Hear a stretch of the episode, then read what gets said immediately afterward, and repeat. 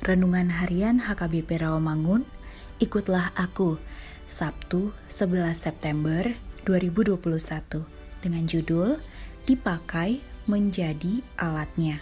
Bacaan kita pada pagi ini tertulis dalam Yosua 6 ayat 22 sampai 27 dan bacaan kita pada malam ini tertulis dalam Matius 21 ayat 23 sampai 32 dan kebenaran firman yang menjadi ayat renungan kita hari ini ialah Yakobus 5 ayat 19 sampai 20 yang berbunyi Saudara-saudaraku, jika ada di antara kamu yang menyimpang dari kebenaran dan ada seorang yang membuat dia berbalik, ketahuilah bahwa barang siapa membuat orang berdosa berbalik dari jalannya yang sesat, ia akan menyelamatkan jiwa orang itu dari maut dan menutupi banyak dosa.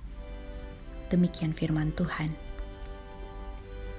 Tidak ada seorang pun yang kebal dari dosa, tetapi kita mempunyai Yesus Kristus, Sang Mesias, sebagai perantara kita datang kepada Allah. Ada tiga hal penting yang harus kita maknai dari surat Yakobus ini. Pertama, Tuhan dapat secara langsung mengembalikan orang berdosa supaya bertobat seperti pengalaman Saulus berjumpa dengan Tuhan Yesus di jalan menuju kota Damaskus. Melalui pembicaraan bersama Yesus, maka Saulus bertobat.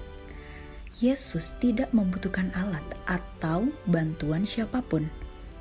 Kedua, ketika Tuhan memakai kita untuk menjangkau orang berdosa, maka itu semata-mata adalah untuk kehormatan dan kemuliaannya kita adalah bejana yang dipakai Tuhan untuk menolong saudara kita yang menyimpang dari kebenaran, supaya kembali kepada Yesus Kristus.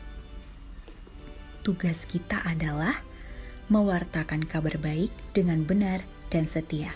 Ingat, mempertobatkan orang berdosa adalah tujuan kedua dari mengapa kita memberitakan Injil, tetapi tugas utama kita memberitakan Injil adalah untuk memuliakan namanya. Ketiga, hanya karena Tuhan memakai kita supaya orang bertobat, bukan berarti kita sudah bertobat. Seperti Pilatus yang dipakai Allah untuk menjelaskan siapa Yesus Kristus. Tuhan dapat memanggil siapa saja untuk menjadi alat kemuliaannya Akhirnya, hanya karena kasih karunia dan anugerah Tuhan, maka kita layak menjadi alatnya sesuai rencana Tuhan dalam kehidupan kita.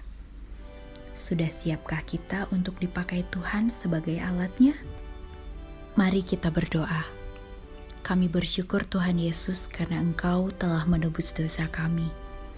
Mampukan kami agar kami boleh menjadi alatmu di mana pun kami berada. Amin.